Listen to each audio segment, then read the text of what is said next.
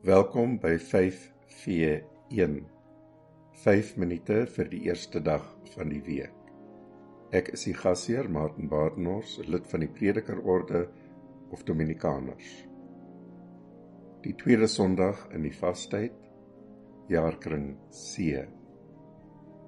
Vandag bring ons tekste die ervaring van Abraham voor God en die disippels voor die verheerliking van Jesus vir ons saam die diepe beswyming wat Abraham ervaar, val ook op ander in die skrif: Adam, Job en Jona. Vir elkeen van hulle is die uiteinde skrikwekkend. Adam word langs die vrou wakker. Abraham sien nog God wat heeltemal teen sy verwagtinge indruis. Job in diepste binneste van die beswyming begin God uitdaag oor die verlies wat hy gely het. Jona word wakker om oorboord gegooi te word. Daardeur teen sy sin uiteindelik God se wil uit te voer. Almal word wakker in 'n nuwe werklikheid wat hulle lewens indringend verander. Abraham, wie vandag voor ons bepeinsing geplaas word, ondergaan 'n omwenteling in sy besef van God. God sluit 'n verbond met Abraham En tot die oomblik waarin hy in die beswyming val, gaan alles volgens verwagting. Die heerser, God, sluit 'n verbond met die mindere, Abraham. 'n Verbond wat deur die heerser voorgelê word, kan nie van die hand gewys word nie. Abraham slag diere om die verbond te bevestig. Die diere word in die helfte gesny, soos verwag. Nou verwag Abraham om tussen die helftes deur te loop in aanskoue van die heerser en getuies.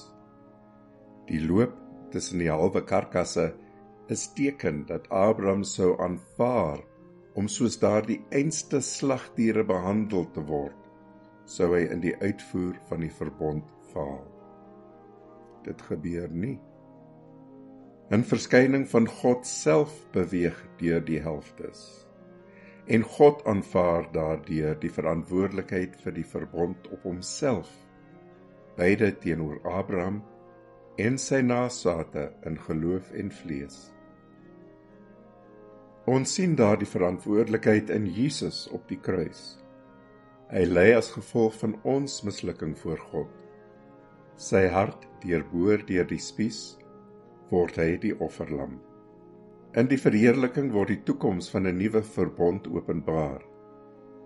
Die disippels sou eers later begryp omdat God vlees geword het tussen ons en in Christus in ons plek gelei het vir ons tekortkominge soos voor Abraham getuig word ons nou uitgenooi om soos die verheerlikte Christus te skyn. Die ervaring op die berg is 'n uitnodiging om die regwysing van die wet en die profete te vervul. Ons verheerliking uit sonde tot genade.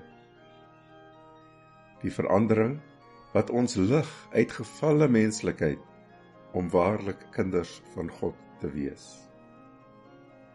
En in daardie verheerliking van Jesus die opdrag om die moeilikste van alle take te verrig om te luister Luister nie net na die gesproke woorde nie, ook na tekens wat Jesus gedurende sy bediening openbaar het.